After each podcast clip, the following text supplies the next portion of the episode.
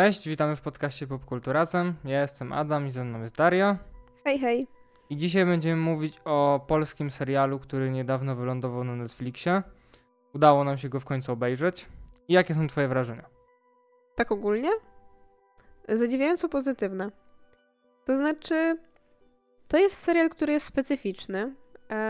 no bo to też jest e, komedia, no nie? Więc trzeba jakby sobie od razu przed rozpoczęciem oglądania uświadomić, że to ma być serial komediowy, więc on jest momentami cringe'owy, e, ale ja bym powiedziała, że to jest taki cringe kontrolowany. To znaczy, on tam jest specjalnie i, i powinien tam być i wypada nawet ok. I generalnie, jak patrzę na tę historię jako całość, to mogę powiedzieć, że mi się podobała. I realizacyjnie też mi się podobał. Więc wi- wiadomo, mam jakieś uwagi y, do niego i na pewno później, jak już będziemy dalej rozmawiać, no to przejdziemy też do nich.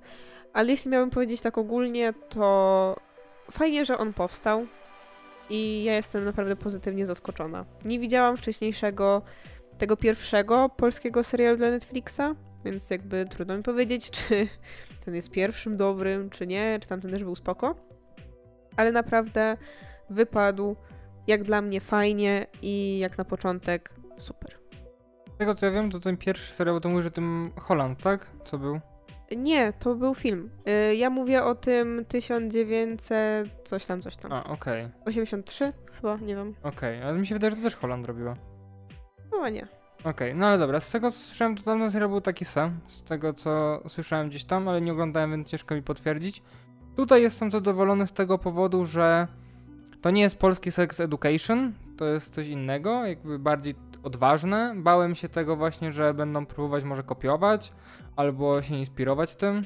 No właśnie, bo ja nie widziałam Sex Education, więc trudno jest mi powiedzieć, jak y, to wypada jakby na tle czy w porównaniu y, do tego serialu, ale właśnie może byś powiedział trochę, bo, bo ty widziałeś Sex Education. Czy tam w ogóle są jakieś e, powiązania, czy jakby to wynika po prostu z faktu, że mamy seks w nazwie i, i coś tam nawiązujemy do, jakoś do tematu edukacji seksualnej? Chyba tylko to, bo jakby sex education jest bardziej dla nastolatków, jakby nie ma tam takich nagich scen, scen seksu czy czegoś takiego, więc jakby tam tamten jest mniej odważny, bym powiedział, coś w tym stylu i trochę skupia się na czymś innym, bo skupia się więcej na takich relacjach międzyludzkich, na tym, że rzeczywiście powiedzmy te dzieciaki mają jakieś tam problemy i jest jeden chłopak, którego matka zajmuje się edukacją seksualną, więc jakby on po prostu w szkole edukuje swoich kolegów. Więc Gdzieś to jest tam- takie tło, tak? Bardziej. Tak, tak, to jest bardziej tło, tak, tak mi się wydaje, bo głównie jest o tym, że on tam się zakochuje, że on też jest jakby takim trochę samotnikiem, że on nigdy nie miał dziewczyny, jakby wiesz, nigdy się nie masturbował, czy takich rzeczy, więc to wiesz, on też tak odkrywa trochę siebie w tym serialu. No, czyli generalnie, znaczy to, że on jest kierowany do innych, innego odbiorcą, to można się domyślić, biorąc pod uwagę, że tam akcja dzieje się chyba w liceum, Chyba tak. a w Sexify jednak mamy studentki i to studentki, y, które właściwie kończą studia, czyli takie dziewczyny w moim wieku, no nie? Więc, em, no, więc to można było się domyślić właśnie pod tym względem. Tak, moim największym zarzutem co do tego filmu jest chyba... Serialu. e, serialu, tak jest strasznie drętwa i momentami taka sztuczna gra aktorska. Ja zdaję sobie sprawę, że to nie są aktorki, które mają jakiś wielki staż, bo jakby ogólnie szanuję Netflixa za to, że stara się wyszukiwać takich młodych talentów, które powiedzmy mają w przyszłości szansę stać się jakimiś większymi nazwiskami. I właśnie zauważyłem, że jest taki trend w Netflixie, że na pierwszym planie są często aktorzy młodzi albo mniej doświadczeni, a ci te takie bardziej znane twarze, które później trochę reklamują też te seriale, to są jakby takie drugo- i trzecioplanowe. I tutaj mamy podobnie, że jest ten Cezary Pazura, jest Kożuchowska, jest Zamachowski i oni są no drugoplanowymi postaciami. Dość często się pojawiają, ale mimo wszystko są tymi drugoplanowymi postaciami. I to mi się właśnie podobało. Podobała mi się również muzyka, która jest bardzo taka klimatyczna. E, w tym outrze, czy tam, znaczy w sumie nie tylko w outrze, ona chyba leciała też bardzo często podczas y, te takie wzdychania. One ba- bardzo mi się podobały i bardzo pasowały do klimatu. To znaczy, jeśli chodzi o aktorstwo, ja bym nie miała aż tak wielu zarzutów, bo na przykład jeśli chodzi, na przykład jeśli chodzi o nasze główne bohaterki, to wydaje mi się, że tak sztywniej wypada ta Natalia, główna bohaterka, i Paulina. Ale w tym przypadku mi się wydaje, że to było zamierzone. No Dlatego, nie wiem. że Nie mam pojęcia, wiesz co, najbardziej mnie to uderzyło w, w tych scenach, gdzie na przykład one były u Kożuchowskiej, znaczy u tej matki Moniki, tak? E, na tych zajęciach. I tam było widać tą dysproporcję chyba najbardziej, bo wiadomo, że jest to starcie tych aktorów, którzy już grają od paru nastu lat, a są te dziewczyny, które są dość młode i nowe. No to właśnie ja mam zarzuty do jednej osoby, do aktora, ale to za chwilkę. Bo właśnie mówię, jeśli chodzi o Natalię i chodzi o Paulinę, to ja nie czułam aż tak, żeby to było, żeby to wynikało na przykład z jakiejś, nie wiem, czy braku ich umiejętności, czy problemów z tym, jak reżyser czy reżyserka y, prowadzą je w odcinku, tylko właśnie, że trochę tak miało być. No bo mamy Natalię, która jest. no, ona nie ogarnia za bardzo kontaktów społecznych, więc może tak być. No i dodatkowo mamy Paulinę, która jest ogólnie taka wycofana i ona generalnie y, średnio ogarnia trochę świat. Jeśli chodzi o właśnie takie zarzuty, które ja bym miała, to ja bym miała zarzuty do tego aktora, który grał Adama. Dlatego, że on dla mnie, ale nie wiem, czy to też wynika z tego, jak on grał, jak mu kazano grać, czy z tego dodatkowo, jak jakby montowano sceny, w których on się pojawiał.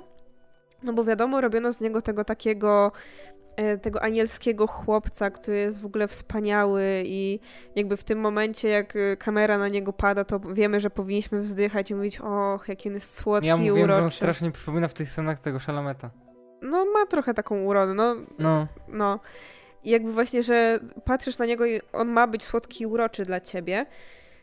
I ja właśnie za dużo czułam tego w sposobie, jak on mówi, że on tak trochę mówił nie jak człowiek, tylko tak jakby właśnie bardzo starał się zagrać takiego anielskiego chłopca. I w tym miałam taki problem, że on dla mnie wypadał nieautentycznie. Wiesz to Często. trochę, trochę się z tym zgadzam, ale i u Pauliny i u Natalii miałem często takie, że tak, one miały zagrać takie zagubione, powiedzmy, nieogarniające kontaktów e, społecznych, ale nie zagrały tego dobrze, bo ja często czuję w ich dialogach, one na przykład rozmawiają gdzieś tam ze swoimi kolegami z akademika, czy z jakimiś innymi postaciami, czy między sobą, to te dialogi są takie strasznie sztuczne i drętwe. Nie chodzi mi o to, że one są, wiesz, że one celowo miały takie być, tylko ja mam wrażenie, że one nie potrafiły tego zagrać, tego zagubienia.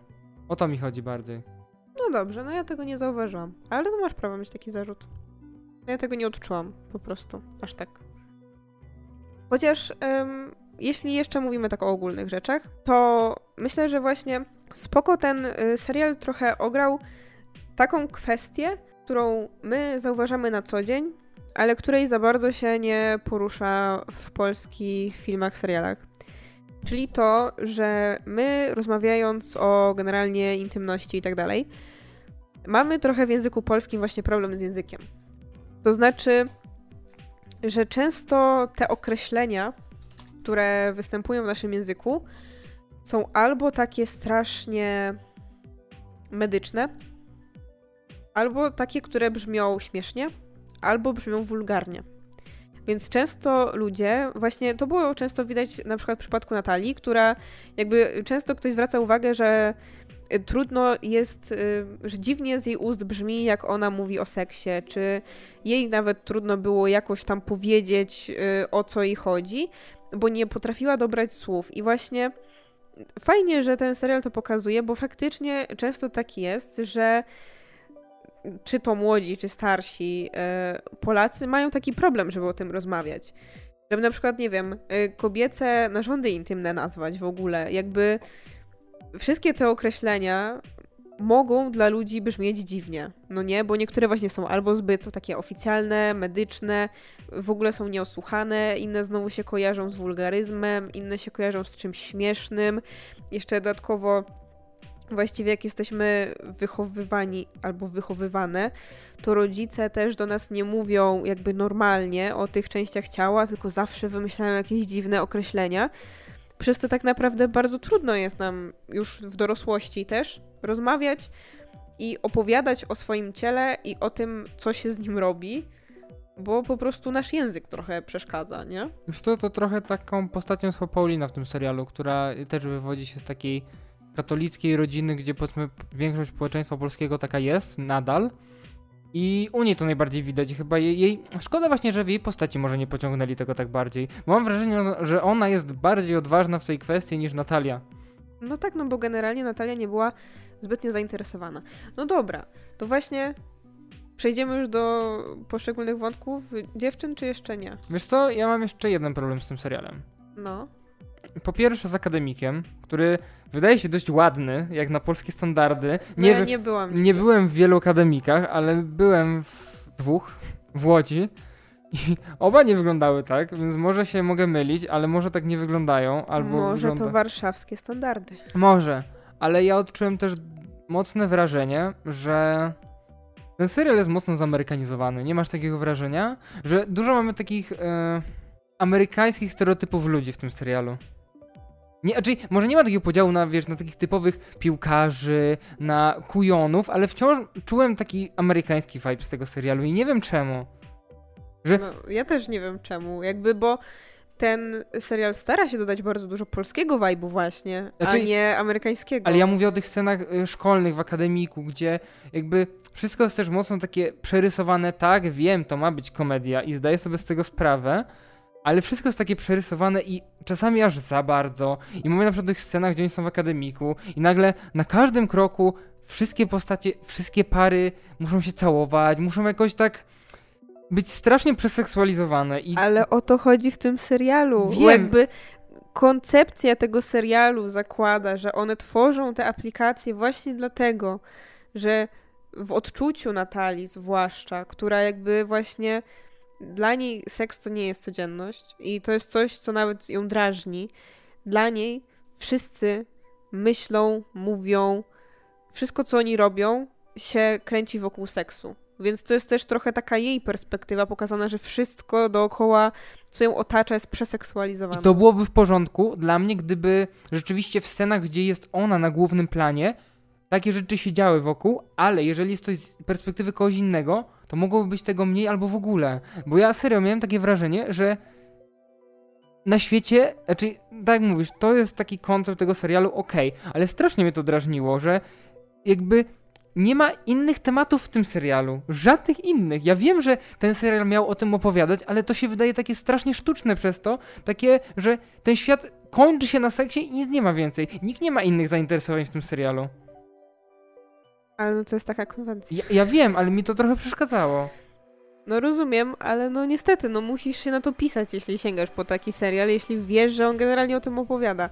Jakby ja na przykład, ja w ogóle nie jestem fanką nie wiem, kina erotycznego, y, scen rozbieranych, tego typu rzeczy. Jakby dla mnie to nie jest coś, co ja lubię oglądać, ale sięgając po ten serial, wiedziałam, że ich będzie dużo i domyślałam się tego. Jakby one nie są dla mnie jakoś y, estetycznie super atrakcyjne, nadal, ale ale uważam, że spoko. Że znaczy ja, ja mam wrażenie, że nie są wulgarne tutaj tak bardzo, że one są, wypadają nawet naturalnie. Nawet e, Monika, która jest taka dość luźna w relacjach z chłopakami, to też miałem wrażenie, że te sceny nie są jakieś aż takie bardzo wulgarne. One były takie po prostu sceny seksu, ale no mówię, coś innego mi przeszkadzało, nie? Wiesz o co chodzi. Hmm. No i, i, jeśli właśnie chodzi o te sceny, to one, ja doceniam też to, że po pierwsze one nie były jakieś przedłużane, że one zazwyczaj były po prostu krótkimi urywkami, nie musimy tam patrzeć nie wiadomo ile czasu, co oni tam robią, żeby już się tam soft porno nie robiło. I druga to jest taka dosłownie popierdółka, ale podoba mi się to, że właśnie ten serial trochę stara się normalizować to, jak nasze ciało wygląda. Bo to jest tak, że oczywiście yy, wszystkie trzy główne bohaterki są szczupłe, jedne mniej, drugie bardziej, ale generalnie są szczupłymi dziewczynami. Ale, ale nawet jeśli, nie wiem, nie są tak super idealnie chude, to serial nie boi się pokazywać ich ciała. I nawet jeśli dziewczyna jest jeszcze tam najszczuplejsza, na przykład jak Monika, no nie? To serial nie ma problemu pokazać yy, tego, że ona też ma celulit. Że jej piersi też nie są super idealnie jędrne. Że generalnie te ciała wyglądają yy, no normalnie. W sensie naturalnie, że to nie są dziewczyny, które muszą mieć idealne wymiary, takie jak, nie wiem, nam standardy zachodnie narzucają, tylko po prostu pokazują nam ciała takich dziewczyn, które widzimy na co dzień. I nie wstydzą się jakby ich, nie ukrywają ich. I tyle. I to też było dla mnie w porządku. Jakby, wiesz, ja nie twierdzę, że y, ciał 90, 60, 90 nie powinno się pokazywać. Jakby nie o to chodzi, ale fajnie, że normalizuje się to, że nie każdy jest super jędrny, nie każdy jest idealnie chudy, nie każdy nie ma celulitu, a właściwie większość dziewczyn go ma, bo tak już funkcjonujemy, że mamy rozstępy i tak dalej, i że to jest normalne i to się tu pokazuje i się tego nie ukrywa, nie? Bo można było. To prawda, bo ty zwróciłaś na to uwagę chyba przy tej pierwszej scenie z Moniką, nie nawet. Tak, tak, bo tam wyraźnie właśnie widać, że ona na udzie ma celulit, pomimo tego, że ona jest bardzo szczuplutka, ale jakby no, to jest normalne u dziewczyn, nie? Większość ma. Ja bym chciał tylko powiedzieć ogólnie, żeby się nie zrażać do tego serialu na początku, bo mam wrażenie, że pierwszy odcinek jest bardzo taki sobie, taki, taki trochę o niczym, taki niby wprowadzający, ale trochę tak nie ma tego wątku tej apki, którą one tworzą. Z czasem jest lepiej mi się wydaje, że te finalne odcinki są najlepsze. I nie wiem, czy to trochę nie wynika z tego, że pierwsze odcinki pisze i reżyseruje facet, a finalne odcinki pisze i reżyseruje kobieta. Nie wiem, ale faktycznie jest tak, że właściwie pierwsze trzy odcinki są takim wprowadzeniem. I no tak naprawdę chyba w trzecim odcinku dopiero dochodzimy do momentu, w którym one faktycznie decydują, że aplikacja będzie taka i taka i zaczniemy pracować nad nią tak i tak. Potem tam się różne koncepcje zmieniają, ale generalnie te trzy pierwsze odcinki to jest wprowadzenie. Może być tak, że dla niektórych one będą za wolne i to wprowadzenie będzie za wolne. Ja też się w sumie spodziewałam, że właściwie w pierwszym odcinku nas wrzucą na głęboką wodę i od razu dostaniemy to. Znaczy ja nie myślałem, że może w pierwszym odcinku nas wrzucą na głęboką wodę, ale myślałem, że od drugiego odcinka rzeczywiście zaczniemy już to, co tam od czwartego mieliśmy. No tak, jakby generalnie dziwiłam się, że muszę czekać trzy odcinki, żeby one doszły do tej pewnej konkluzji, ale z drugiej strony nie wpłynęło to jakoś negatywnie na mój odbiór. Jakby nie czułam, żeby ten serial był jakiś turbo przyciągnięty, czy coś takiego. Te osiem odcinków wydawało mi się tak naprawdę w porządku. I właśnie rozmawiali, rozmawialiśmy też przy okazji tego, bo zauważyliśmy, że o, ostatnio oglądaliśmy Cieni Kość, ma 8 odcinków, teraz ten serial też ma 8 odcinków i właśnie widzimy, że nie wiem już od jakiego czasu, bo w sumie Gambit Królowej też miał 8 odcinków, też oglądaliśmy. I że właśnie od jakiegoś czasu Netflix już odchodzi od tego systemu 13 odcinków i przechodzi do 8. E, no, tworzy też trochę mini seriali, ale generalnie jeśli są seriale, które mają taką powiedzmy możliwość bycia kontynuowanymi, albo od razu wiemy, że będą kontynuowane i będą miały kolejne sezony, to zazwyczaj mają te 8 odcinków i fajnie, bo to się wydaje naprawdę taka optymalna liczba, bo pamiętam, że jak była jeszcze ta, y, ten system trzynastkowy, to zdarzały się seriale, które były strasznie przeciągnięte i było tak w Marvelkach na przykład. No, Defenders chyba były takim, chociaż Defenders chyba były Defenders krótsze. miał 8. Ale no, były, no, pamiętam, że Daredevil mi się trochę dłużył, Jessica Jones. Ja miałam taki i... problem z Jessica Jones. No, chyba Jessica Jones najbardziej, no. Daredevil może nie, bo tam dużo akcji było. No ale... ja nie wiem, ja już nie pamiętam dobrze Jessica Jones i w ogóle widziałam tylko pierwszy sezon chyba, ale właśnie ja kojarzę, że był tam jakiś taki motyw, że w pewnym momencie ona już właściwie mogła się pozbyć tego złego, ale potem nagle on musiał uciec, no żeby jeszcze tam kilka odcinków się wydarzyło i żeby oni jeszcze raz musieli mieć kolejne swoje starcia. Ale to wydaje się dla mnie trochę dziwne w Netflixie, że e, jest ten standard iluś odcinków, bo jak zauważy się na przykład, my to zwróciliśmy uwagę, że te odcinki nie są takiej samej długości, bo to nie jest telewizja, że musi być te 40 minut, żeby gdzieś tam wpakować te reklamy jeszcze.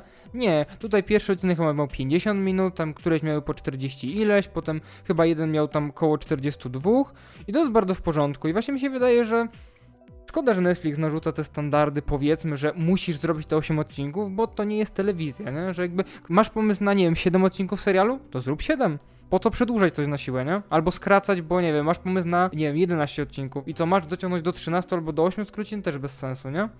Hmm, trochę tak. Chociaż no mówię, ostatnio jakoś nie spotykaliśmy się raczej takimi Netflixowymi serialami, niż nie oglądamy ich jakoś nie wiadomo dużo.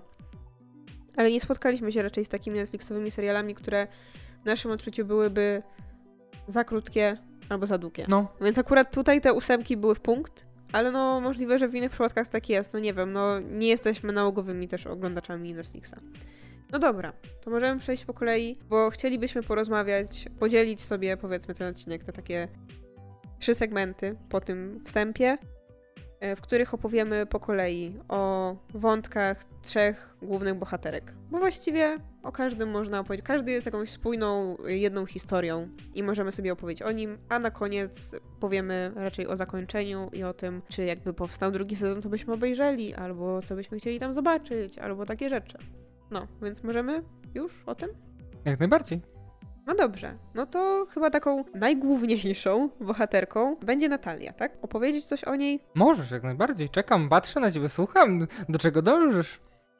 No tak, no to generalnie właśnie Natalia jest takim mózgiem całej tej operacji. Ona jest studentką chyba informatyki, tak mi się wydaje. Na Politechnice jakieś, no? Warszawskiej. To nie jest Politechnika, to jest jakaś wymyślona uczelnia. A. Taka ala Politechnika, ale się jakoś tam nazywa inaczej. Ona właśnie kończy studia i musi zrobić projekt, co w sumie zabawne jest trochę z tym projektem, bo to jest na takiej zasadzie, że oni z jednego przedmiotu muszą robić projekt na jakąś tam aplikację. E, przy czym jeden z tych, jakby najlepszy projekt z całego tego roku ma zostać skierowany na konkurs w ministerstwie, e, dzięki czemu mogą dostać dofinansowanie na to, żeby go rozwijać dalej. I jakby cały ten serial pokazuje nam tak naprawdę, że tam walczą tylko ze sobą dwie grupki, e, a jest jeszcze mnóstwo innych studentów, którzy nie wiadomo co tam robią, statystują sobie po prostu. I generalnie Natalia jest, e, tak jak już wcześniej e, wspominaliśmy, taką dziewczyną, która jest właśnie bardzo zafiksowana na swojej pracy, na tym co robi, właśnie jest bardzo ambitna, stara się być jak najlepszą studentką, jak najwięcej dać od siebie i pokazać. E, przez co tak naprawdę może nie tyle, co zaniedbuje te różne społeczne aspekty studiowania i życia, ale po prostu nie jest w tym najlepsza i nie do końca się w tym odnajduje.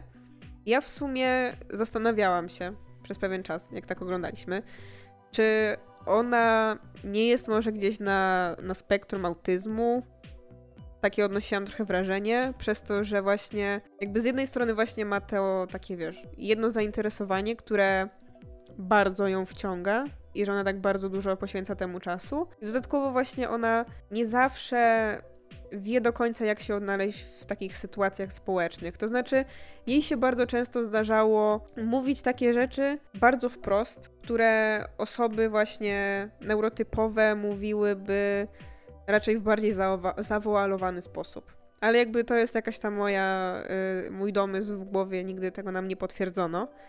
Możliwe, że po prostu, nie wiem, no jej matka też wiemy, że jest właśnie taką osobą, która nie dość dobrze sobie radzi w takich sytuacjach towarzyskich i tak dalej, więc możliwe, że to po prostu taka jej cecha. No właśnie, to co byś powiedział o Natalii? Wiesz co, ja mam takie wrażenie, że ona też mogła to wynieść z domu, bo Dowiadujemy się, że ją wychowywała samotnie matka i babcia, bo nigdzie w, jakby w jej otoczeniu, w jej rodzinie nie widzimy ani żadnego dziadka, ani żadnego ojca, żadnego mężczyzny, który tam gdzieś by ją wychowywał. I mam takie wrażenie, że to trochę przez matkę, bo wiadomo, że wynosimy z domu jakieś tam różne przyzwyczajenia i zachowania. Bo dostajemy tam później scenę, w której matka jej mówi, że e, żeby w szkole skupiły się na nauce, że nie na chłopakach, bo e, chłopaki to w ogóle całe zło, że wiesz, zajdzie w ciąży jakieś tam rzeczy, że lepiej, żeby się skupiono na nauce.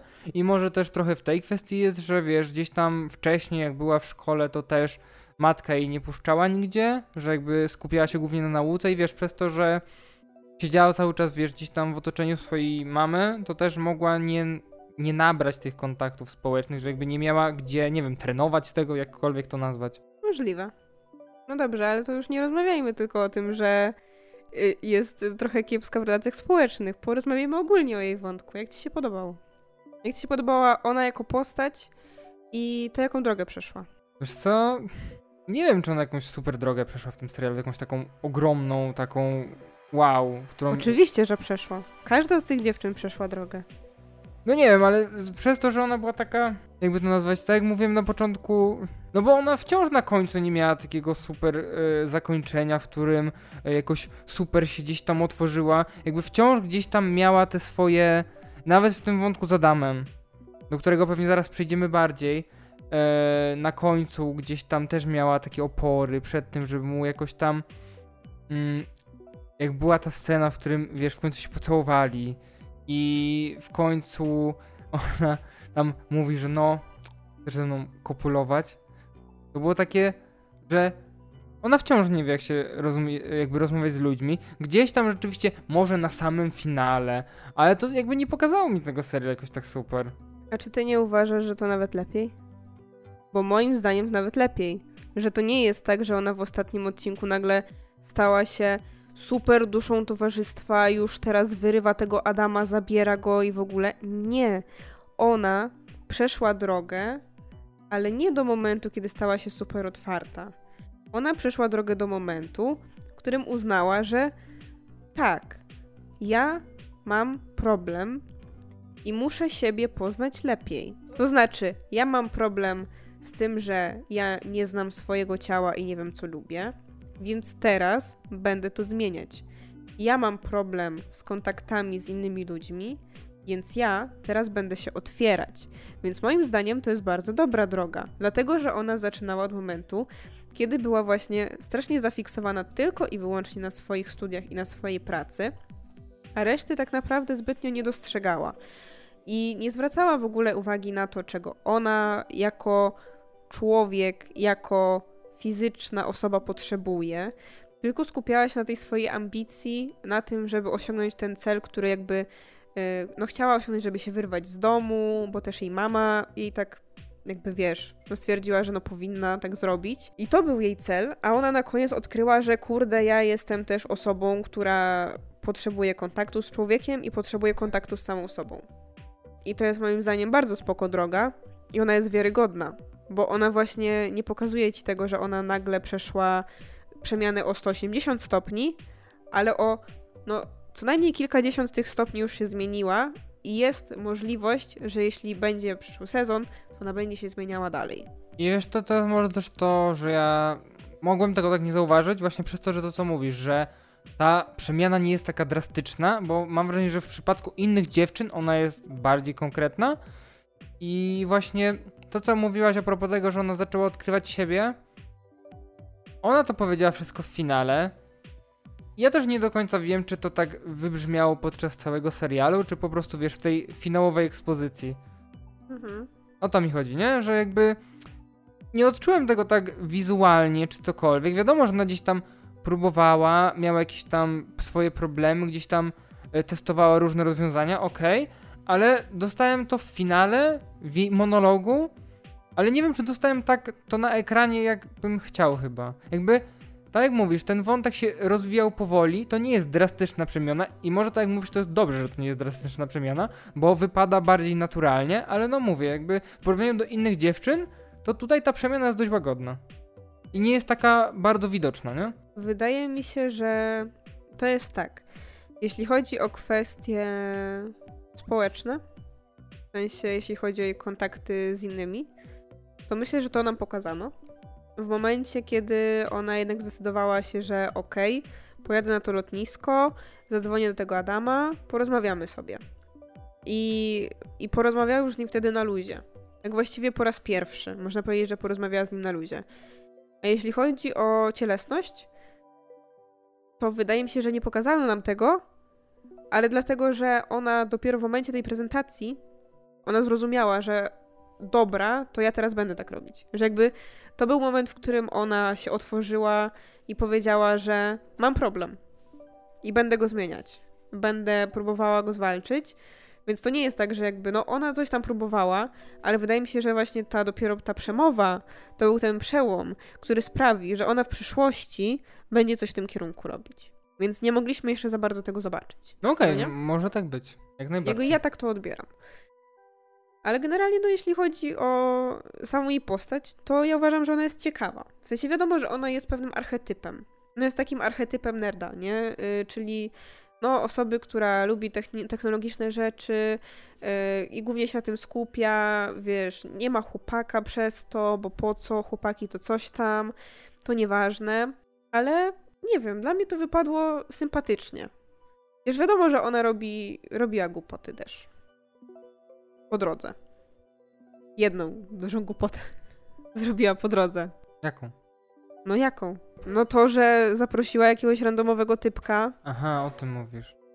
Pomimo tego, że no nie wydaje mi się, żeby ona tego chciała. No może mówię, może, może to był taki impuls, ale nie wiem, też nie wiem, czy pasował mi do tej postaci. No, to była taka, to był taki jeden z grzyt, który mi zupełnie nie pasował.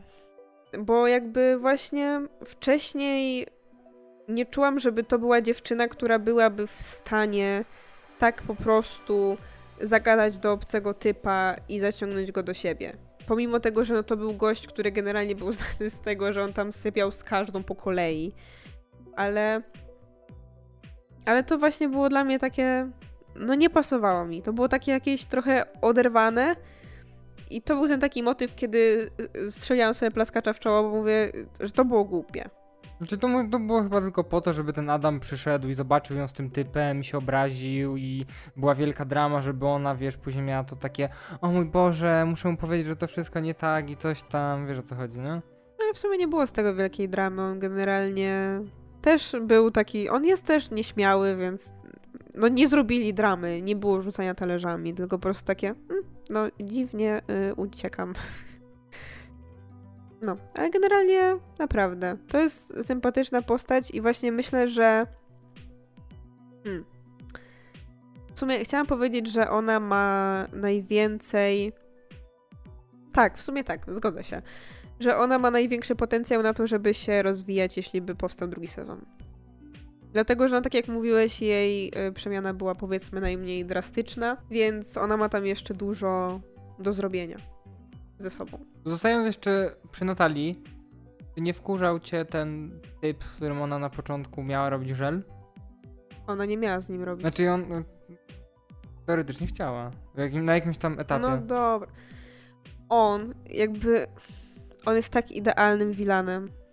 W sensie, to jest taki typ, który, którego po prostu chcesz strzelić w twarz.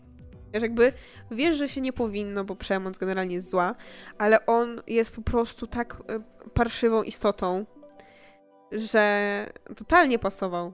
Pomimo tego, że on wydaje się taki strasznie milutki, on ma ten taki uśmieszek okropny.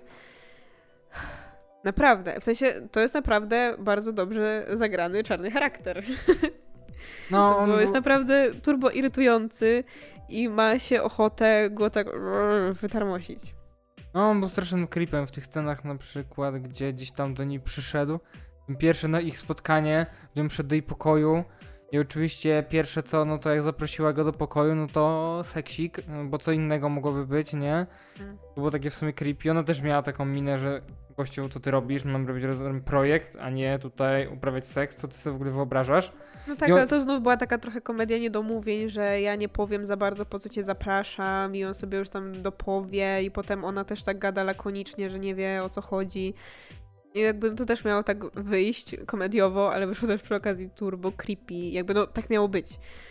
Yy, więc no. No ale potem okazał się jeszcze gorszym creepem i w ogóle w momencie, kiedy dziewczyny jakby zaczęły już te testy do aplikacji, czyli otworzyły jakby w tym swoim pokoju to miejsce, gdzie ludzie mogą sobie przyjść i odbyć stosunek yy, dla celów badawczych i wtedy, kiedy on y, wsadził po prostu tą kamerkę gdzieś tam i zaczął.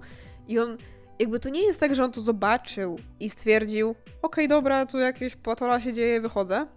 Tylko on to siedział i oglądał i jeszcze robił screeny. Nagrywał to było... chyba to było, to były chyba nagrania. Nie, to były screeny. Tak.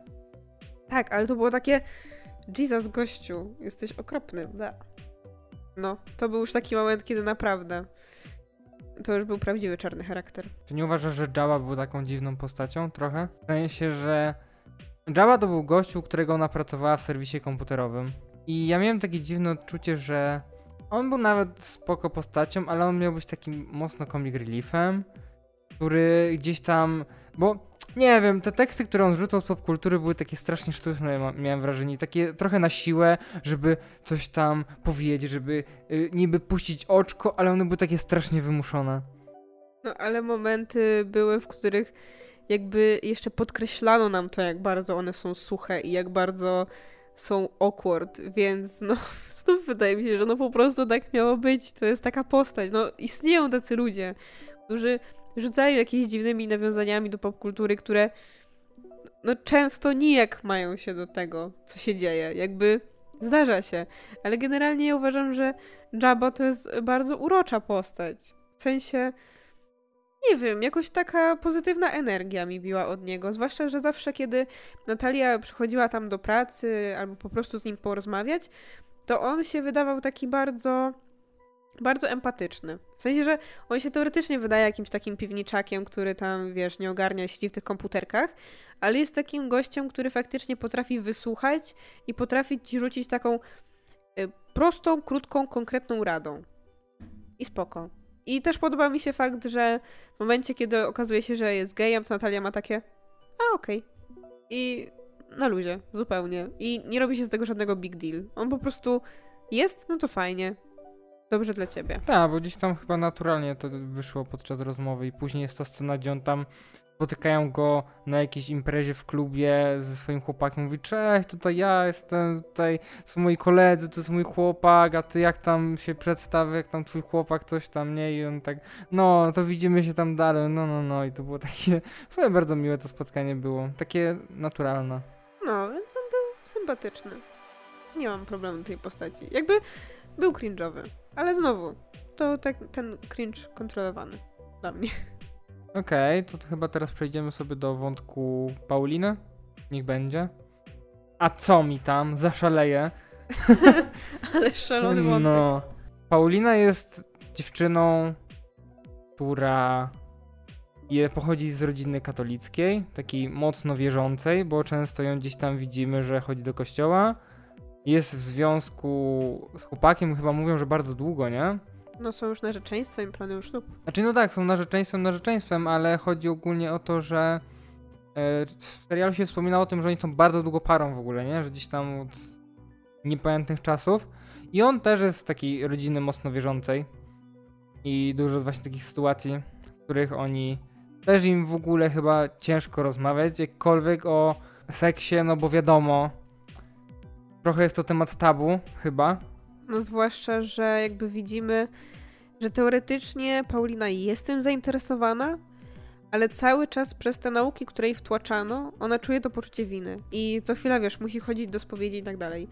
I właśnie u nich obojga bardzo dobrze widać, jakie są problemy z takim typowym katolickim wychowaniem, y, z którym my się często spotykamy, nie? Na co dzień. Bo tak naprawdę no nadal większość Polaków z pokolenia naszych rodziców to są katolicy.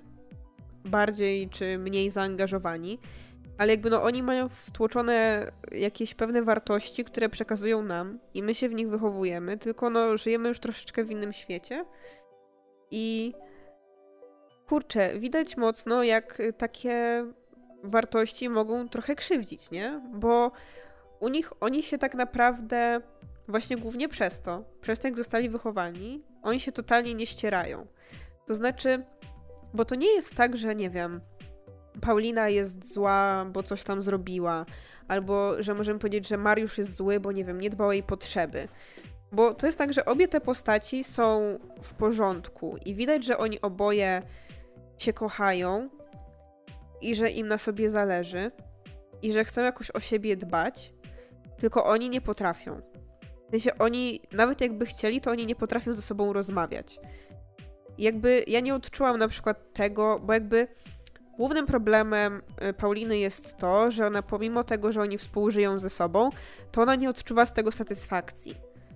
I tu jest taki problem, że ani ona mu nie powie, że jest jej źle, albo że jest y, niewystarczająco dobrze dla niej, bo no jak to? Ona się uśmiechnie i powie, że było fajnie on przez to też nie dostaje tej informacji zwrotnej, że coś było nie w porządku. A dodatkowo, właśnie przez to, że im trudno się na ten temat rozmawia, że oni po prostu robią, a nie mówią, to on też nie dopytuje, czy wszystko jest na pewno dobrze. Więc jakby oni są w takim takiej ślepej uliczce tak naprawdę, bo przez to, że nie potrafią ze sobą rozmawiać, no to nie mogą niczego poprawić. I przez to tak naprawdę, no, z czasem ten związek można powiedzieć, że się sypia.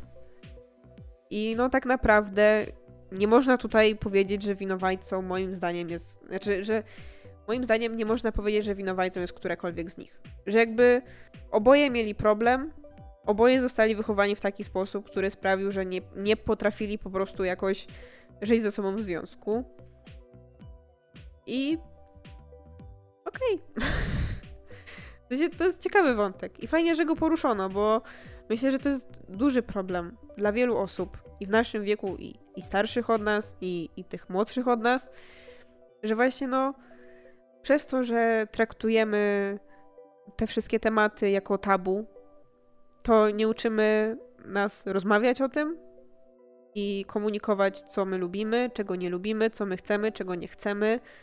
I wtedy po prostu wychodzą takie sytuacje jak tutaj, nie? No, ja mam wrażenie, że u Pauliny też był taki problem, że ona trochę nie miała wspólnych zainteresowań z tym Mariuszem. No, A czy oni w ogóle mieli jakieś zainteresowania, y, które wynikały z tego, y, z tego serialu? No właśnie o tym mówię, że ja miałem wrażenie, że oni trochę żyją własnymi życiami, że ona gdzieś tam studiuje, robi swoje rzeczy, on studiuje, robi swoje rzeczy, ale oni w domu nic poza wspólnym jedzeniem i spaniem nic nie robili. Nie masz takiego wrażenia? Że ja odczuwałem to tak, że to jest taka typowa para, że e, gdzieś tam kiedyś ich rodziny były w kościele, oni się spotkali, no to teraz będziecie parą i jesteście parą. Nie są trochę taką parą z przyzwyczajenia po tylu latach? Może tak być. Może to też po części wynikać z tego, że jakby poznajemy ich związek tak naprawdę w momencie, w którym właśnie zaczyna się praca nad tą apką i Paulina zaczyna kwestionować rzeczy. Więc jakby no też nie widzimy za dużo, jak to wyglądało u nich wcześniej. Zobaczymy tak naprawdę kilka właśnie takich scenek, które polegają głównie na jedzeniu, spaniu i uprawianiu seksu, yy, jakichś krótkich rozmowach, z których no wynika faktycznie, że no oni oboje są sympatyczni i generalnie nie chcą robić sobie krzywdy, ale właśnie, że no trochę ten związek jest już tak z przyzwyczajenia. I tak, tak nam się wydaje. I właśnie to, że Paulina potem jakoś wychodzi z tej swojej strefy komfortu, zaczyna odkrywać nowe rzeczy, wprowadza w jej życie jakieś takie coś nowego i to jest takie wow. No i ja mam problem troszeczkę z tym wątkiem. W sensie, jakby, może nie z tym konkretnym wątkiem, ale z tym, tą kliszą fabularną, którą została ona włożona w tym. No bo generalnie y, Paulina jest dziewczyną, która z czasem, jak y, prace nad tą aplikacją trwają i jak ona przebywa już przez to w różnych miejscach, w różnych środowiskach z różnymi innymi ludźmi, zaczyna odkrywać, że to może nie chodzi tylko o to, że nie wiem, coś tam nie powiedziała temu Mariuszowi, że jej się nie podoba i przez to jest nie tak albo że wiesz, tam jeszcze nie poznała, y, jak siebie tam dotknąć, żeby było dobrze. Tylko po prostu ona w pewnym momencie odkrywa, że jest biseksualną dziewczyną. I generalnie super, no nie? Tylko problem jest taki, że to jest już kolejny tak naprawdę y, taki wątek, taki motyw, który wiąże się z tym, że dziewczyna która odkrywa swoją biseksualność, żeby ją odkryć, musi zdradzić swojego partnera. I to jest wątek, który mnie drażni. Dlatego, że on jest bardzo częsty i pomimo tego, że ja jakby nie neguję, że takie historie się zdarzają, to troszeczkę już y, wkurza mnie fakt, że jest go tak dużo. Bo tak naprawdę mogę teraz od razu przy, przywołać co najmniej trzy seriale, które oglądaliśmy jakoś tam w ostatnim czasie, w których ten wątek się pojawił i w których wyglądał bardzo podobnie. E, mieliśmy atypowego, teraz ostatnio oglądaliśmy sobie animowaną Harley Quinn i teraz mamy to. Jakby jako osobę biseksualną mnie to wkurza. No nie, bo powiedzmy, że to przedłuża to taki, ten taki sposób myślenia, który gdzieś tam panuje y, w społeczeństwie, że no jak ktoś jest biseksualny, to jest większa szansa, że on cię po prostu zdradzi. Bo panuje jakieś takie dziwne myślenie na zasadzie, że no jak ona będzie teraz chłopem, no to jej się w pewnym momencie zacznie chcieć y, dziewczyny, tak? Albo odwrotnie. Że jakby jest to takie przeświadczenie, że no jak się jest biseksualnym, no to trzeba mieć i to, i to najlepiej. Naraz, albo na zmianę, no nie?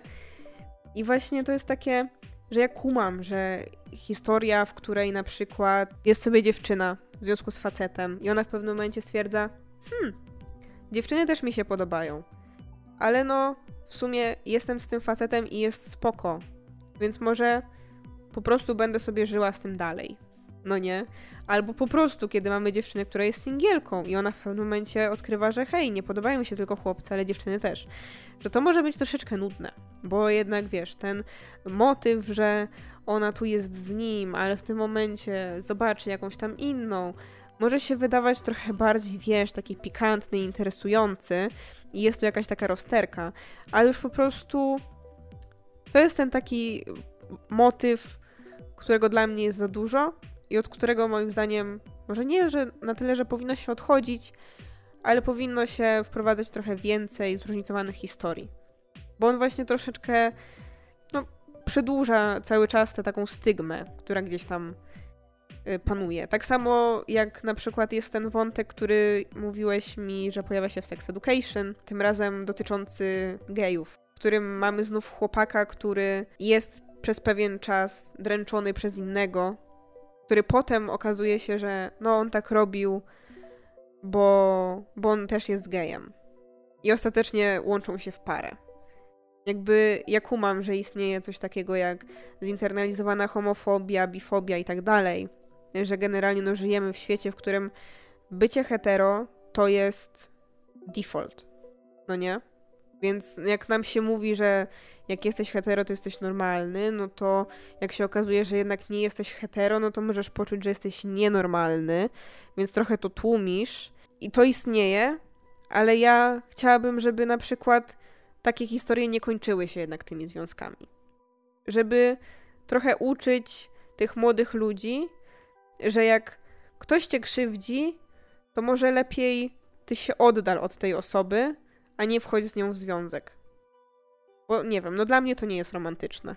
I ta biseksualność, którą się odkrywa poprzez zdradę też, no mogłaby już troszeczkę odejść do lamusa.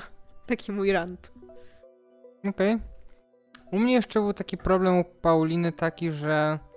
Znaczy nie tyle co problem, to podobał mi się ten taki motyw z tym, że z racji tego, że ona to uprawianie dla niej seksu i masturbacja to jest grzech.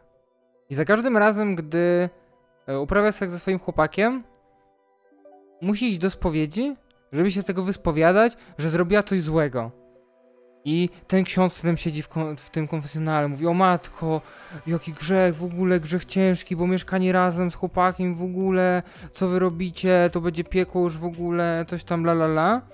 I ona później ma rozmowę z matką Moniki, i jej się zwierzała, że no ona przyszła tutaj do tego sanktum, żeby tutaj e, dobrze się poczuć, ale no gdzieś tam wewnętrznie cały czas czuła, że pobyt tutaj to jest grzech dla niej i że uważa, że to jest trochę nie fair. I jakby ta matka Moniki pyta, no ale czujesz się tu źle, jakby źle ci z tym wszystkim? Jakby ona mówi, no nie, no to jakby czemu czuje się winna, że jest tutaj, skoro sprawia jej to przyjemność. Jakby mówi, że no, jesteś rozgrzeszona i w ogóle super. No i ta Paulina chyba wtedy trochę do niej dociera to, że sprawianie sobie przyjemności nie powinno być dla niej grzechem. Zwłaszcza jeśli no nie robi tym yy, krzywdy nikomu, nie? Bo jakby ona właśnie powiedziała, że nie robisz tym krzywdy sobie, nie sprawiasz przykrości sobie i nie sprawiasz też przykrości innym.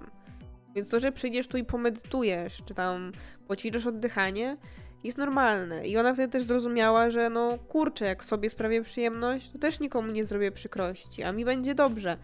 Więc to też nie, nie powinien być grzech. Nie powinno się nas uczyć, że robienie zupełnie normalnych rzeczy, które nie robią nikomu krzywdy, a mogą być dla nas przyjemnością, jest czymś złym.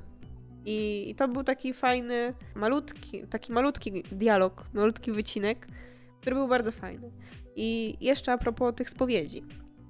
E, to też zwróciłam uwagę na to w trakcie oglądania i powiedziałam ci chyba o tym. Jest pewien taki moment, w którym ona idzie do tej spowiedzi i zaczyna jakby tak opowiadać o tych rzeczach, które się dzieją, że ona nie tylko mówi po prostu, klepie formułkę, że taki, taki grzech popełniłam, tylko ona jakby zaczyna szukać jakiejś rady u tego księdza. I właśnie zaczyna nie tyle, że nie wiem, szuka rady, y, jak porozmawiać z moim chłopakiem. Nie, tylko jakby ona opowiada o tych wszystkich problemach, które ona ma ze swoją seksualnością i ze swoim ciałem i z tym wszystkim i chce otrzymać radę od księdza. Od księdza, czyli od osoby, która żyje w celibacie, więc teoretycznie nie powinna mieć żadnych doświadczeń z tym związanych. No nie? I to jest też taki problem, który się pojawia w naszym społeczeństwie, dlatego że my, jak chodzimy do szkoły na religię, to nagle na religii księża, zakonnice, katecheci zaczynają nam opowiadać o takich rzeczach. Że oni nam opowiada opowiadają o tym, jak to my mamy robić, żeby żyć w małżeństwie, co mamy robić, żeby, nie wiem, jakie metody antykoncepcji stosować. Mówią o tym, kiedy lub nie powinniśmy współżyć i tak dalej.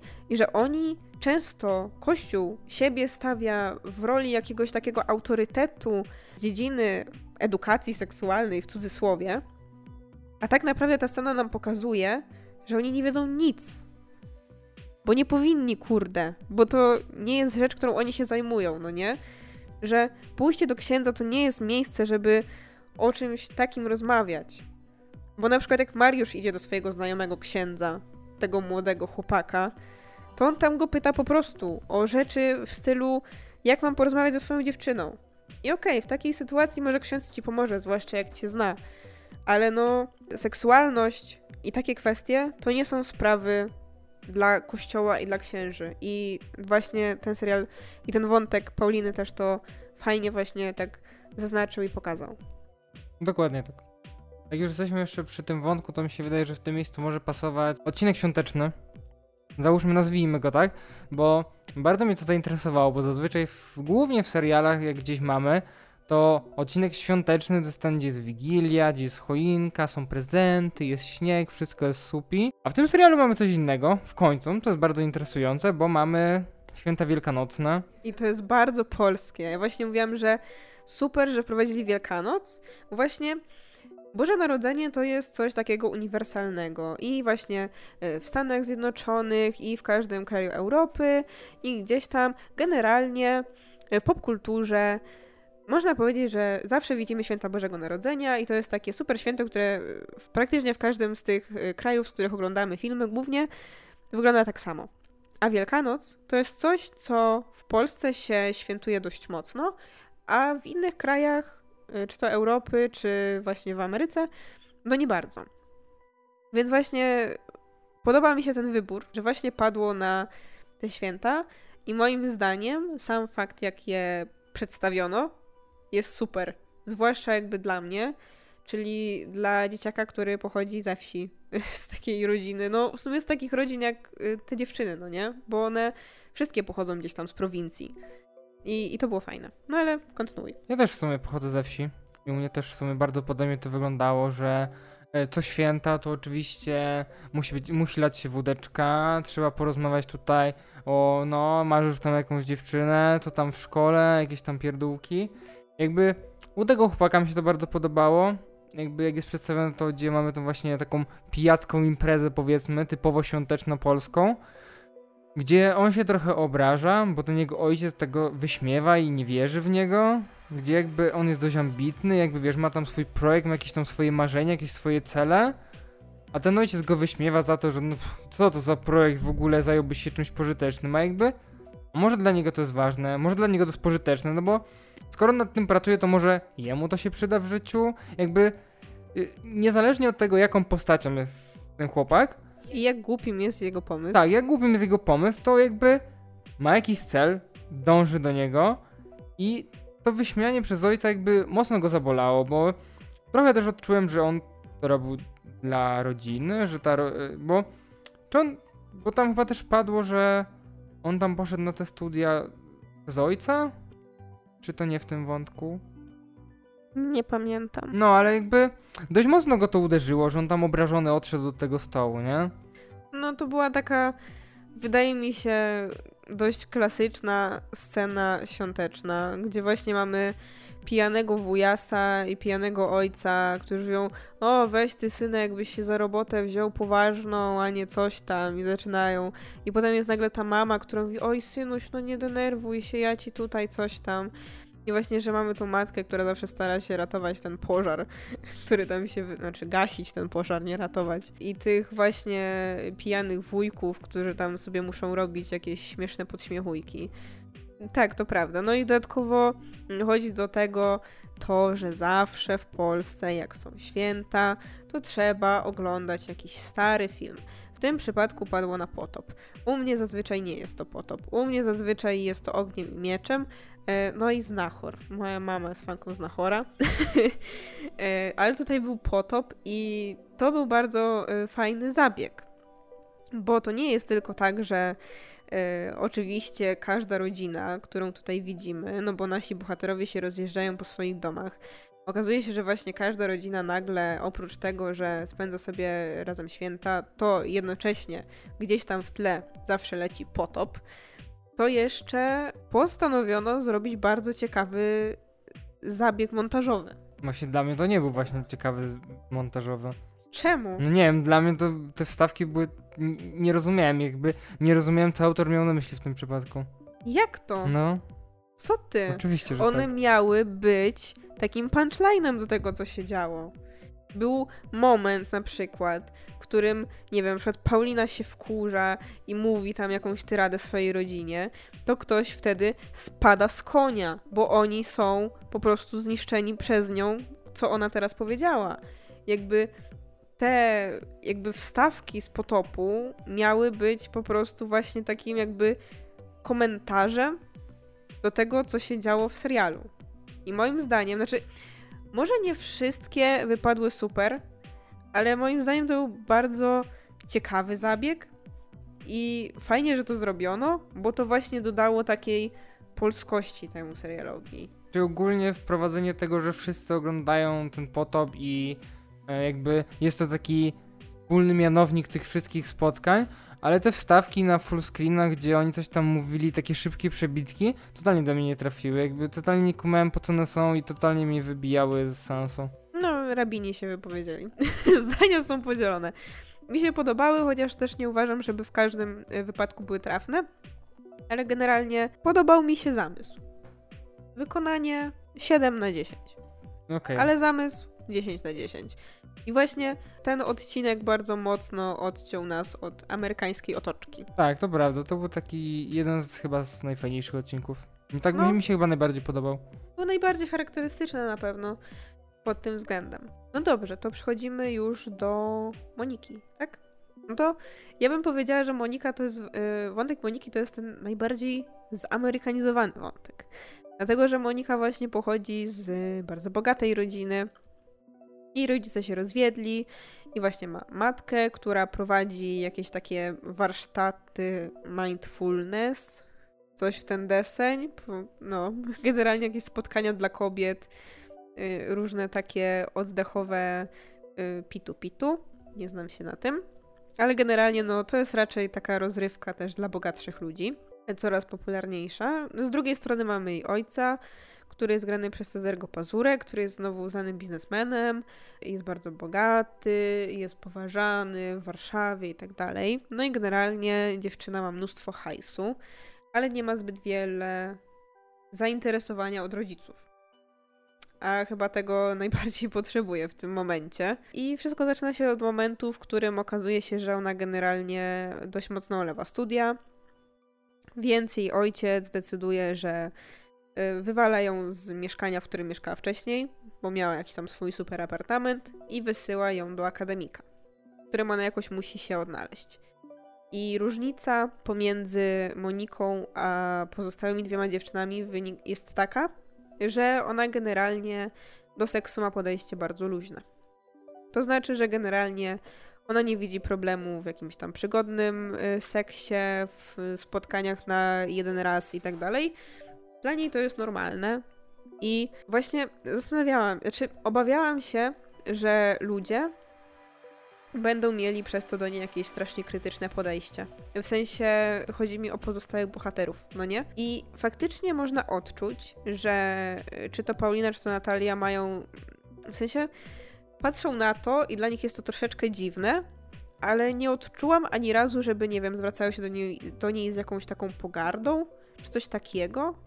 Tak, jakby wiem. chyba w w serialu nikt nawet nie nazywa jej, ty wiesz, puszczalską czy coś takiego, jakby uważają za to coś takiego normalnego, że dziewczyna ma potrzeby, no to je spełnia, jakby... No jakby zdarzyła się taka, wiesz, sytuacja, ale to jest znowu problem y, wynikający z tego, że Natalia często mówi rzeczy wprost.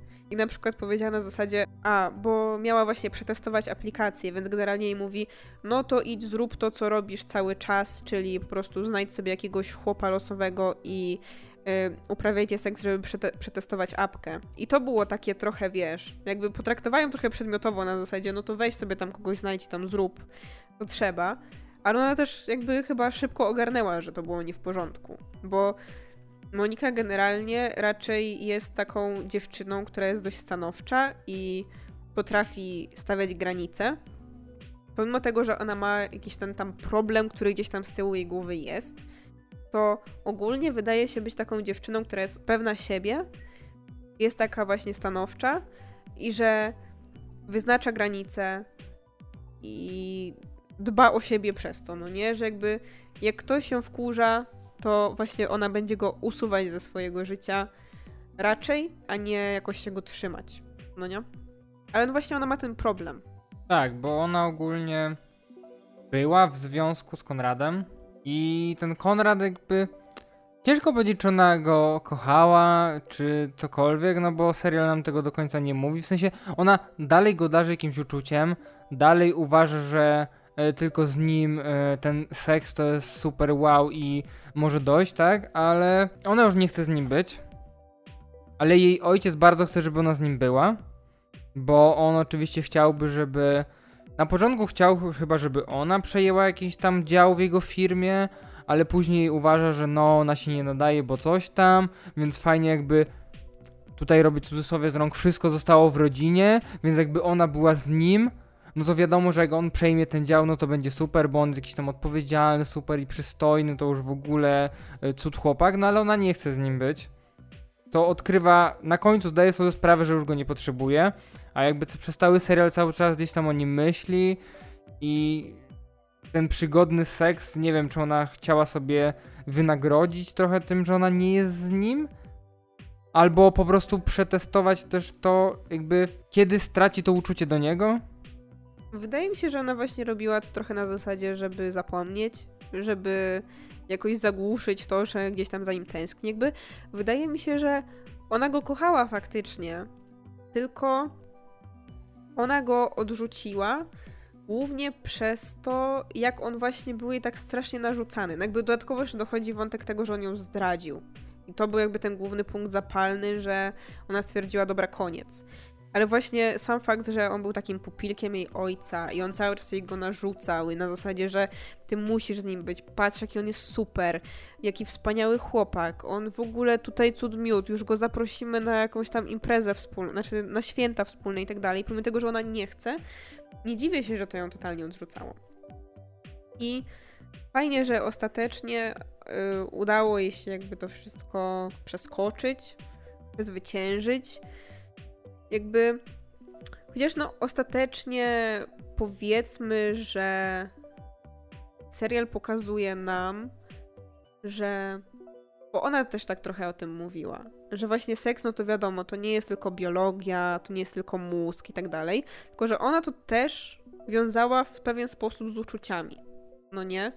Dlatego dla niej nawet ten, te przygodne spotkania nie były do końca satysfakcjonujące. I ostatecznie ona tak naprawdę przez, przeskoczyła właśnie ten problem z Konradem w momencie, kiedy spotkała tego chłopaka, z którym jakoś tak kliknęło. I jakby to nie było takie mechaniczne. Wiesz co? Tam poszło też trochę o to, że ona zażartowała chyba sobie z tego, że no, tutaj mam apkę, którą robimy z koleżanką i chcemy ją przetestować i chcemy zobaczyć, czy działa. To w sumie była trochę, trochę taka analogiczna sytuacja, co miała Natalia z Adamem, tylko że Natalia nie potrafiła tego dobrze zagaić, przez to jak ona powiedziała, że no, mam tu łapkę, chcę z tą kopulować, bo chcę ją przetestować, to u niej to wypadło bardzo sztucznie i tak odpychająco.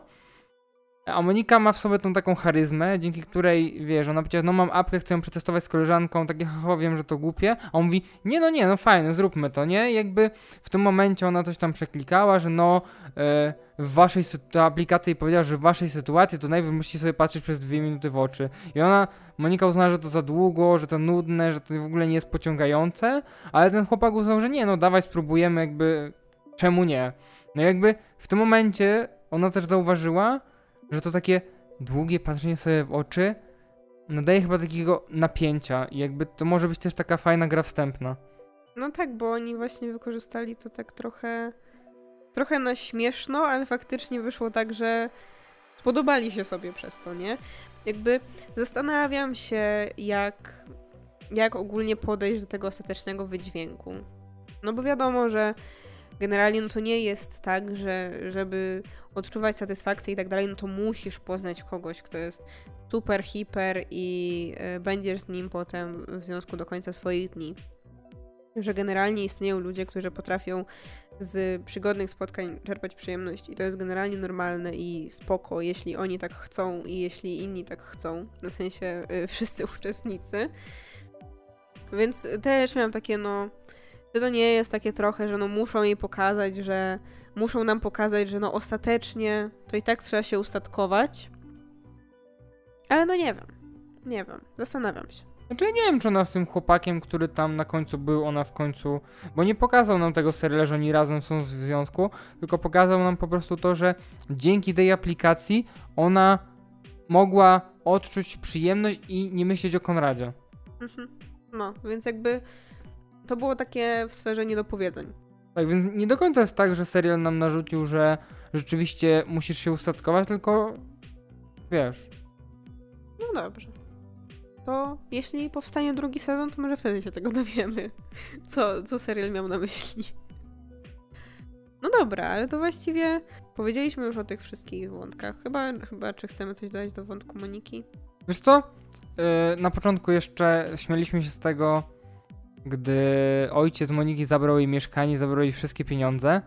To było takie, no dobra, ma znaleźć sobie pracę i w ogóle. A czy ten ojciec nie pomyślał o tym, że zanim dostanie pierwszą wypłatę, trochę minie? I w tym momencie właśnie pojawiła się jej matka, która zrobiła najbardziej racjonalną rzecz, jaką mogła zrobić, czyli dała jej kartę, na której było tam, nie wiem, czy parę stówek, czy parę tysięcy, Nie ciężko powiedzieć. Która mówi właśnie, że no, tutaj masz pieniądze, powinno ci starczyć na miesiąc, potem już znajdź sobie pracę. I mam takie, wow, niemożliwe, że ktoś o tym pomyślał. Jak myślałem, że już o tym nie pomyśli serial i że przez, wiesz, przez cały ten czas ona nie będzie miała pieniędzy, to coś w ten desen. No tak, bo właśnie jej ojciec postąpił totalnie nieracjonalnie na zasadzie słuchaj, odcinam cię totalnie od wszystkich pieniędzy, wywalam cię do akademika, ale nie opłacę ci tego akademika, nie opłacę ci ubezpieczenia za samochód i nagle masz wytrzasnąć sobie te co najmniej, nie wiem, jakieś tysiąc złotych strzelam, żeby to zrobić, plus mieć jeszcze na jedzenie i na inne takie normalne rzeczy do przeżycia, przy czym, no, ona dopiero za miesiąc może dostać jakąkolwiek wypłatę, a też jeszcze nie wiadomo jaką. Więc on tak naprawdę mógł ją skazać na, nie wiem, na życie żebracze przez jakiś najbliższy czas, bo nikt nie powiedział, że ona na pewno znajdzie pracę, że to będzie praca, która jej wystarczy na to, żeby to opłacić. I jeszcze wymagał od niej, żeby zaczęła chodzić na studia znowu. Więc no ten ojciec tak średnio się zachował. Tak troszkę bez pomyślunku, jak to mówią. A i matka jednak tak, no, no pomyślała trochę, że no przez ten pierwszy miesiąc no na pewno ona sobie nie da rady. Więc tak, więc dobrze. I właśnie fajnie, że w ogóle ten motyw z tym, że ta matka przyszła i dała jej ten hajs się pojawił. Bo jakby trochę tak urealnił ten serial. Tak, niby taka pierdółka, ale jednak dużo zrobiła. Tak, bo właśnie od razu jak to się wydarzyło, to my tak zwróciliśmy uwagę, ale halo, z czego ona ma żyć? I potem nagle przychodzi ta matka i my takie, a, ktoś też o tym pomyślał, pisząc ten scenariusz. Więc spoko. No dobra. To chyba tyle. Więc teraz przejdźmy może do konkluzji, czyli do zakończenia. Mamy ostatni odcinek. I co dzieje się w ostatnim odcinku? W ostatnim odcinku mamy mieć konkurs. Bo problem polega na tym, że no wydało się przez naszego pana przyjemniaczka od żelu, że to kopulatorium, czyli jakby to powiedzmy miejsce, w którym studenci z akademika mogą uprawiać seks, żeby przy okazji potem wypełniać te ankiety. Nie miejsce, tylko pokój numer 69, hehe. Że on istnieje. E, no i właśnie kolega od żelu, żeby zdeprecjonować te dziewczyny, bo przegrał z nimi ten konkurs taki wewnętrzny. W którym też brał udział tylko ich aplikacja i żel, jakby. Zabawne było w tej scenie to, że było właśnie tam wewnętrzne rozwiązanie tego konkursu, jakby w tej szkole. I tam było tak, że no, to kto chce przedstawiać prezentację? Może y, Natalię. A Monika mówi, nie no, Natalii nie ma, to niech ktoś inny poczekamy chwilę. No i idą ci od żelu, po czym mówi, no, to teraz wasza kolej. Ale na tej sali jest jeszcze z 20 innych osób, jakby o co chodzi? Czemu one musiały teraz? To było też takie strasznie dziwne. No, jakby ja po prostu rozumiałam to w ten sposób, że oni już założyli dawno temu, że to są dwa najlepsze projekty i one będą o to walczyć, ale to było takie z perspektywy tej reszty, to co oni takie, o, jesteśmy słabiakami tutaj, my tylko możemy sobie głosować na nich, więc tak trochę kiepsko. No ale dobra. Generalnie okazuje się, że projekt dziewczyn jest ciekawszy yy, i w tym głosowaniu wewnętrznym przechodzą dalej, ale przez to, że sprawa się wydała, a rektor uczelni e, bardzo nie lubi mieć kwasów e, w papierach, no to stwierdza, że generalnie ta aplikacja to jest wstyd i siara dla uczelni, więc one nie mogą iść na ten konkurs w ministerstwie. A jeśli pójdą, to wywali je z uczelni. Dlatego teoretycznie yy, żel ma przejść dalej. Ale ostatecznie z plotem wydarzeń i różnych tam yy, ciekawych historii, one idą tam. Znaczy, nie powiedziałbym, że tyle z plotem dziwnych wydarzeń, co jakby mówiliśmy to podczas serialu, że wydaje się to dziwne, że jedni uczniowie wygrali, powiedzmy już po tym drugim głosowaniu. Nie było drugiego. Znaczy, no wiesz o to chodzi, że tamty został dyskwalifikowany, więc oni z automatu przeszli do tego konkursu. Że nagle ten, yy, nie wiem, wykładowca czy jakiś tam opiekun tego projektu uznaje, że okej, okay, dziewczyny, pomogę wam, więc sabotuję jednych uczniów, żebyście wy miały szansę. I to też było takie trochę, nie tyle może to nie fair co do tego chłopaka, bo to jakby przez niego było, ale wobec tych chłopaków, którzy byli z, z, nim w drużynie i trochę nie byli niczemu winni, więc jakby im się oberwało rykoszetem za coś, czego tak naprawdę nie zrobili. Wydaje mi się, że oni nie tyle, nie tylko nie byli niczemu winni, ale oni też nie byli w ogóle odpowiedzialni za ten projekt, bo on chyba robił wszystko sam. Jakby miał tego jednego kolegę, który był ciągle ućpany, bo robił te żelki i dwóch, których widzieliśmy raz. Jakby generalnie oni chyba nic tam nie robili, to generalnie był jakiś passion project tego typa, który chciał zrobić ten super żel. No. Więc dziewczyny ostatecznie mają okazję pójść przedstawić swój projekt przed komisją. Mamy super przemowę, super prezentację, chociaż oczywiście jakieś dziady z komisji muszą y, zdyskredytować ten produkt i tak dalej, ten projekt. I wtedy mamy piękne przemowy dziewczyn, które właśnie mówią tutaj, że wy nas tutaj zawsze będziecie opresjonować dziady stare, bo was to nie interesuje, a to jest produkt dla dziewczyn takich jak my i dla kobiet starszych i tak dalej i super. I generalnie te przemowy są bardzo fajne. Mi się podobały. Chociaż one oczywiście były takie, wiesz, no miały być takie skliwe i takie mocne i wiesz, teraz y, kobieca siła i tak dalej, ale były fajne. Jakby sobie je tak wyciąć, to wypadają naprawdę w porządku. Ale ostatecznie ten projekt nie wygrywa, bo wygrywa zegarek zmieniający się w dron do robienia selfie. I jak ci się podobał sam fakt, że ostatecznie one nie wygrały? Nie wiem, chyba trochę się spodziewałem, bo to nie jest jakiś niespodziewany czy nowy motyw. Jakby wiele sytuacji jest takich, że no, jest ten wielki konkurs i one się przygotowują nie wiadomo ile i nagle bum, nie wygrają, wiesz, taki kubeł zimnej wody na głowę, jakby o co chodzi, jakby czemu nie wygrałyśmy, jakby tyle czasu do tego dążyłyśmy i jakby nic z tego nie wyszło, nie?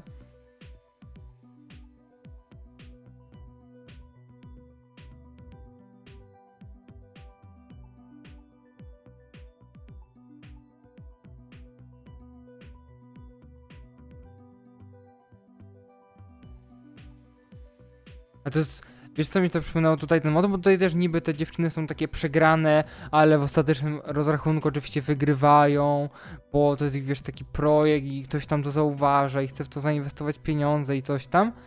E, w Camp Rock 2 była taka sytuacja, pamiętasz? Ale Też skojarzyłam to z Camp Rock, Tam- ale nie pamiętam z którą częścią, bo nie pamiętam w drugiej części było tak, że był ten drugi obóz, który się otworzył i mieli takie, wiesz, super technologie, najlepsze sprzęty, a wiesz, ci mieli takie swoje gitarki i mimo, że przegrali ten główny konkurs, to i tak na końcu okazali się tymi wygranymi, bo i tak wszyscy z tamtego drugiego obozu przyszli do nich, żeby pograć sobie wokół ogniska, bo tutaj były takie luźniejsze zasady i w ogóle, nie? Ja, ja totalnie poczułem ten vibe finału z Camp Rock 2. Piękna historia. Miało być polskie Sex Education, polskie Camp Rock 2. Ale bez muzyki. Nie, no jakby ja też się spodziewałam, że one przegrają ostatecznie, zwłaszcza, że ta cała przemowa przed wręczeniem nagrody była taka, że ta typiarka tam mówiła, że no, to jest taki produkt, który jest potrzebny wszystkim, najbardziej na świecie i w ogóle trafi do największej ilości odbiorców, obywateli, że po prostu Polska tego potrzebuje. I to było takie fajne przełamanie, że się okazuje, że Polacy potrzebują po prostu drona do selfie. Ja nie potrzebuję, ale spoko, jakby szanuję. I generalnie zakończenie mi się podoba, jakby domyśliłam się, że wtedy będzie po prostu tak, że no halo, przecież Monika ma dużo kasy. Więc może jakoś to zainwestować. I tak naprawdę dostajemy takie zakończenie, które z jednej strony może być zakończeniem zakończeniem, ale z drugiej strony pozostawia nam cały czas otwartą furtkę na kontynuację. I czy jakby powstała taka kontynuacja, to ty byłbyś zainteresowany? Co, ciężko mi powiedzieć, bo w takich sytuacjach mam zawsze duży problem. Z jednej strony jest to zamknięta historia, kompletna, nie potrzebowałbym nic więcej, ale z drugiej strony jak powstanie i będzie ok, to jakby czemu nie? Podobnie miałem Sex Education, nie wiem czy potrzebowałem drugiego sezonu, dostałem, był ok. Jakby w wielu przypadkach tak mam, że ten drugi sezon mam takie mieszane odczucia, ale jak już wyjdzie i wyjdzie w porządku, to jakby czemu nie? Jakby totalnie nie ujmie temu pierwszemu sezonowi, który mi się podobał. Bo właśnie to jest tak, że jak sobie myślę o ewentualnym drugim sezonie, to tak naprawdę jeśli chodzi o sam motyw apki, to tam nie ma za bardzo co robić. To znaczy, ona już powiedzmy powstała i tak naprawdę, no o czym miały być drugi sezon? O tym, że teraz mają więcej pieniędzy i mogą przeprowadzać profesjonalnie testy i już robią to na poważnie i ona zdobywa popularność. Coś takiego. To już nie byłoby tak ciekawe jak tutaj. Zresztą, że one też wtedy już, wiesz, nie byłyby tymi studentkami, no bo one już kończą studia. Ale faktem jest, że każdy z tych wątków tych dziewczyn właśnie zakończył się w takim w pewien sposób przełomowym dla, nim moment, dla nich momencie, że ja bym bardzo chętnie y, śledziła po prostu losy ich dalej. Zobaczyła, jak to później wyjdzie. No nie? Że to jest takie. To mnie interesuje, bo sama aplikacja i tak dalej, to już niekoniecznie. Znaczy, w tym serialu czy ta aplikacja była taka super ważna? No nie, bo w tym serialu chodziło też o odkrywanie siebie, o jakby aplikacja była tam, takim, nie wiem, tłem, jakby też pretekstem, tłem do tego, że e, Monika w końcu mogła, wiesz, uwolnić się od tego Konrada i zrozumiała, że e, potrafi tutaj e, odczuwać przyjemność seksu z innymi chłopakami, że tak jak mówiłaś Natalia w końcu nie wiem, polubiła, odkryła swoje ciało i też może w końcu otworzyć się na ludzi. I Paulina, która też jakby zrozumiała siebie, że ma trochę inne potrzeby niż do tej pory myślała. Że jakby to też jest bardziej też serial o ludziach niż o tej aplikacji, więc ta aplikacja w drugim sezonie równie dobrze mogłaby być w tle, też mogła gdzieś tam by sobie działać, ale czy mógłby być o tych dziewczynach, czy wprowadzić jakieś nowe wątki? Jakby myślę, że to akurat żaden problem. Mhm. Więc no, ja myślę, że tu jest naprawdę spory potencjał na to, żeby ten drugi sezon powstał, bo no każda z tych dziewczyn właśnie jest na tym takim etapie życia, że tam jeszcze dużo się wydarzy w przyszłości. Na pewno wiemy o tym. Bo właśnie zauważyliśmy, że tak naprawdę one głównie, w sensie one zakończyły sezon na momencie, w którym każda z nich coś odkryła. Czyli to jest tak naprawdę dopiero na tym etapie, kiedy te ich zmiany, jakieś, jakieś to odkrywanie różnych rzeczy i jakiś taki nowy etap, on się dopiero zaczyna. Więc no faktycznie jest um, duże pole do popisu dla twórców, jeśli chcieliby taki drugi sezon stworzyć. I ja nie wiem, jakby ja nie czytałam tych wszystkich newsów, które mówią o, ty, o popularności tego serialu, bo ja widziałam oczywiście jakieś tam nagłówki, że no, że gdzieś tam popularny za granicą, że ludzie oglądają, że gdzieś tam, nie wiem, w Brazylii był wysoko, czy coś takiego, ale kompletnie nie wczytywałam się w to. Więc nie wiem, jak to faktycznie wygląda poza nagłówkami. Powiem ci tak, ja przeglądałem sobie Twittera i jest sporo komentarzy niepolskich. Dużo jest komentarzy, mi się wydaje, takich hiszpańsko-portugalskojęzycznych. Mi się wydaje, że trochę włoskich było, ale to mogę mylić z hiszpańskim albo portugalskim, bo tak właśnie... No ja musiałabym zerknąć. No musiałabyś ty zerknąć. Widziałem też trochę tureckich i głównie chyba te języki mi się przewijały gdzieś tam na Twitterze, jak sobie wpisałem Sexify. Więc rzeczywiście wygląda na to, jakby ludzie rzeczywiście rozmawiali o tym serialu.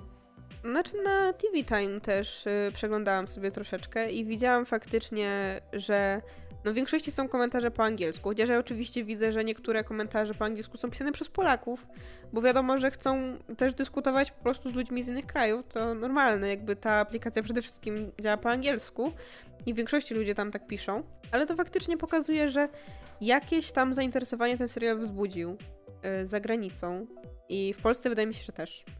Chociaż nie wiem, czy, czy w Polsce zdobył pozytywne, pozytywny odbiór, bo no, nie ukrywajmy, że jest spore grono osób, które widząc sam fakt, że powstaje ten serial, od razu spisało go na straty.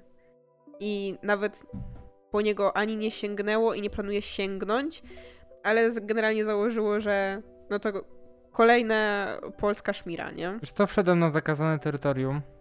Film web?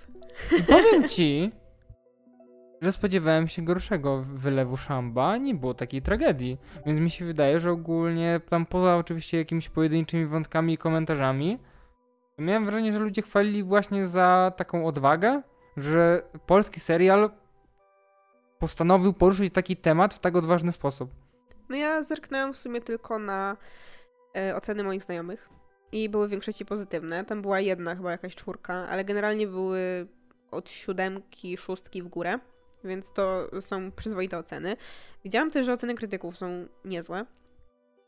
Więc generalnie wydaje mi się, że odbiór jest w porządku. No tylko właśnie w Polsce tak to trochę jest. Że jest y, spore grono właśnie odbiorców, którzy są z góry uprzedzeni do wszystkiego, co polska kinematografia tworzy. I no zwłaszcza jeśli mamy tutaj do czynienia z projektem, który jest komediowy, od razu przychodzą na myśl skojarzenia z polskimi komediami romantycznymi, które, no nie ukrywajmy, w większości przypadków nie są najlepsze, mówiąc tak delikatnie. Więc po prostu też dużo osób napędza jakieś negatywne komentarze na ten temat, tak po prostu, dla zasady. I jesteśmy troszeczkę w takim miejscu, w którym trudno jest nam mówić o tym serialu w oderwaniu od tego, że jest polski i w oderwaniu od tego, jak wygląda generalnie opinia na temat y, polskiej kinematografii. I trudno jest nam nie mówić, że no jak na polskie standardy to super. No trudno jest, nie? Zwłaszcza, że no Polacy nie słyną w ostatnich latach ze świetnych komedii. Polacy nie słyną zdecydowanie z kina, które opowiada nam o erotycznych rzeczach. No tym bardziej, że w naszym kraju wciąż to jest mocno temat tabu. Tak. Polacy nie słyną też z produkcji dla młodzieży, bo ich praktycznie nie ma. Więc właśnie trudno jest mówić o tym serialu jako takie, że no jak na polskie standardy to coś tam. Ale wydaje mi się, że on jak na polskie standardy i ogólnie jak na standardy, standardy jest w porządku. Po prostu. Znaczy może, może być to też kwestia tego, że to jest produkcja Netflixowa, więc mieli wolną rękę twórcy, że nie musieli się hamować, bo to nie idzie do telewizji. Więc to może też być kwestia tego, że mogli sobie na więcej pozwolić i mogli zrobić co chcieli. Że nikt ich nie blokował w tym, nie? Tak, no i jednak w momencie, w którym tworzysz dla Netflixa, to nie masz świadomości, że tworzysz tylko dla polskiego widza. To musisz stworzyć coś, co będzie się oglądało wieczorem y, do kolacji, nie? Mhm. Nie ma być kolejny serial typu, nie wiem, tam Brzydula czy coś. Że to ma się sprzedać i ma mieć jakiś tam czas antenowy, żeby się wstrzelić na TVN-ie czy gdzieś tam. Bo to jest coś, co od razu ma ambicje międzynarodowe. I moim zdaniem to jest serial, który ma prawo się podobać międzynarodowo. I jeśli będzie się podobał, to super. I mówię, ja trzymam kciuki, bo, bo naprawdę wyszło przyzwoicie. A właśnie, a propos tego mieszanego odbioru. Wczoraj, wczoraj już właściwie, tak, na Instagramie. Aha, bo jest 15 minut po północy, dlatego już wczoraj, tak? Tak. Wczoraj na Instagramie y, wrzuciłam story, w którym właśnie napisałam, że y, niedawno właśnie skończyliśmy oglądanie i poprosiłam ludzi, żeby zgadywali, czy mi się podobało, czy nie. I aktualnie mamy 9 do 9. A wiesz, kto zagłosował jako ostatni na nie? Twoja mama. Naprawdę? Także widzicie, zdania są podzielone bardzo. No, ja powiem ostatecznie, że no, te dziewięć osób, które odpowiedziały, że tak, miały rację. Nie, ja też uważam, że to jest spoko, bo dzięki temu może Netflix otworzy się na nasz polski rynek i powstanie więcej takich polskich seriali. Czy nie takich konkretnie może, ale ogólnie, że Netflix zacznie inwestować w polskie produkcje. Które... I może Polska przestanie się kojarzyć z 365 dni. No właśnie chciałem o tym powiedzieć, że... Znaczy 365 nie jest też Netflixową produkcją, więc to trochę inaczej. Nie jest. No nie jest, właśnie o tym mówię. A właśnie chodzi mi o to, że rzeczywiście jeżeli ta produkcja polska się spodoba, to może rzeczywiście, nie wiem, Netflix zobaczy, że może warto inwestować w naszych twórców, bo rzeczywiście mają dobre pomysły, a po prostu no na polskim rynku takie rzeczy by się nie sprzedały. Ja w ogóle teraz sobie o tym pomyślałam, że no tak, jeśli chodzi o polskie produkcje, które są na Netflixie i zdobyły jakiś tam jakichś widzów za granicą, to mamy 365 dni, no pewnie hejtera i Sexify. I kurde, wyobraź sobie, jak ludzie za granicą muszą pomyśleć, jacy Polacy są wyzwoleni seksualnie. W sumie. A tu, kurde, zupełnie nie, ale to jest takie wow. Polacy będą kojarzyć się z filmami i serialami o seksie. Ale to też trochę może pokazuje, czego Polacy by chcieli, a nie mogą mieć. No, tylko lepiej tworzyć to w formie Sexify niż w formie 360. Nie, no to prawda, to prawda. No, bo to jest, to nie jest szkodliwe. 365 dni jest. Okej, to dziękuję wam za uwagę. Mnie możecie znaleźć wszędzie w internecie pod nickiem Adaś Alex. Mnie możecie znaleźć na wspomnianym wcześniej książkowym Instagramie Daria Podłoga OWS, gdzie czasem mogę was zapytać o różne seriale i filmy i tak dalej, więc zapraszam. Oraz na facebookowym fanpage'u Ocieplanie wizerunku Skandynawii o skandynawskim kinie. No i czekamy na wasze opinie o serialu. Czy wam się podobał, czy nie. Czy oglądaliście w ogóle, a może was zachęciliśmy, żeby jednak obejrzeć, a byliście niezdecydowani? Hmm? No ja bym chyba y, po moich opiniach tak mogłem średnio zachęcić, ale twoje były bardziej optymistyczne. Tak. No i do usłyszenia w innych materiałach. Hej. Pa, pa.